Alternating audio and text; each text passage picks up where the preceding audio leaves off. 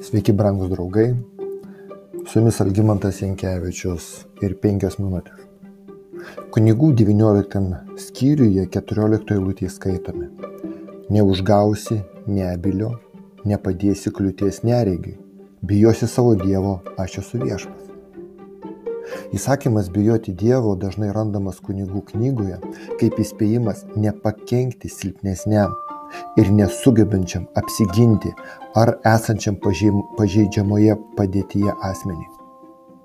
Pavyzdžiui, tie patys žodžiai stovi po įsakymo neprimesti skolininkui procentų už skolą ir įsakymo žiauriai nevaldyti asmens atidirbančio savo skolą tau. Kunigų 25 skyrius. Taigi įsakymas, kurį skaitėme pačioje pradžioje, mus perspėja neprakeikti asmenį, kuris negirdi šių prakeikimų ir nekišti kojos aklam žmogui, kuris to nemato. Norisi tikėti, kad net e, sunku įsivaizduoti, kad pas mus Lietuvoje gali kas nors taip elgtis, nes mūsų visuomenė bent jau pasmerk žmogų, kuris taip elgesi. Bet šis įsakymas taip pat laikomas platesniai, kabutėse kurtumo ir kabutėse aklumo prasmei. Taikomas platesniai. Taip atsitinka, kad vienas asmo pasakoja nemalonius dalykus apie kitą trečiąją. Taigi nors aptariamasis, tiksliau sakant, tas, kuris yra šmeižiamas, yra kabutėse kurčiasis šiam šmeištui, nes jis to negirdi, tačiau vis dėlto jis kenčia, nes kenčia jo reputacija. Kitaip tariant, taip atsiranda apkalbos pakenčiančios, e, pakenkiančios, atsiprašau, žmogui. Aklumą šią prasme galime palyginti su nežinojimu ar neišmanimu. Ir jei žmogus dėl šio savo, dėl savo nežinojimo ar neišmanimo tam tikrose klausimuose padaro klaidų, kurias sukelia jo nežinojimas, tai iš tikrųjų jis neturi nieko kaltinti išskyrus save. Nu, nežinojo, nežinojo. Suklydo, suklydo.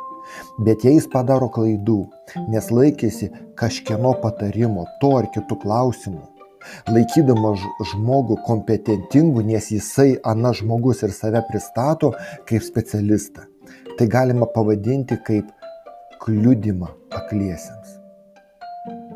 Kartais nutinka taip, kad gudrus ir klastingi žmonės intensyviai ir pastoviai mėgaujasi tam tikrų dalykų neišmanančių žmonių pasitikėjimu. Ir tai tik padidina jų kaltę, nes jie kabutėse kliudo akliesiems. Kurtumas ir aklumas Biblijoje dažnai vartojami kaip dvasinio nejautrumo išaiška. Būtent taip Mozė kalbėjo, kalbėdamas apie izraelitų širdies dvasinį nejautrumą. Pakartoto įstatymą 29 skyrius. Jūs matėte visą, ką viešpats padarė jūsų akise Egipto žemėje faraonui, visiems jo dvariškiams ir visam jo kraštui. Didžiulius bandymus, kuriuos savo akimis matėte, ir anos nuostabius ženklus bei nepaprastus darbus. Tačiau iki pat šios dienos viešpats jums dar nėra davęs širdies įsiminti, akių matyti, ausų girdėti. Nenoris išgirsti Dievo kvietimo ir pamatyti Dievo prieškimą, vadinamas dvasiniu kurtumu ir aklumu. Jono Evangelijoje aprašoma žmogaus gimusio neregių istorija, tai yra devintas skyrius. Jėzus Kristus išgydė jį suteikdamas galimybę pamatyti šviesą. Šis išgydymas atkreipė fariziejų dėmesį, nes jų nuomonė Jėzus bent jau pažeidė jų supratimu, jų supratimu, kaip reikia laikyti sabatos. Kai kurie iš jų teigia, kad šis žmogus negali būti iš Dievo, nes nesilaikė šabų. Jie bandė įtikinti, kad Jėzus yra nusidėlis ir jo nereikia klausytis.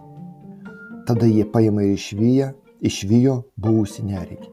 Bet Jėzus suradęs jį paklausė, ar tu tiki Dievo sūnumi. Jis atsakė, kad jo nepažįsta.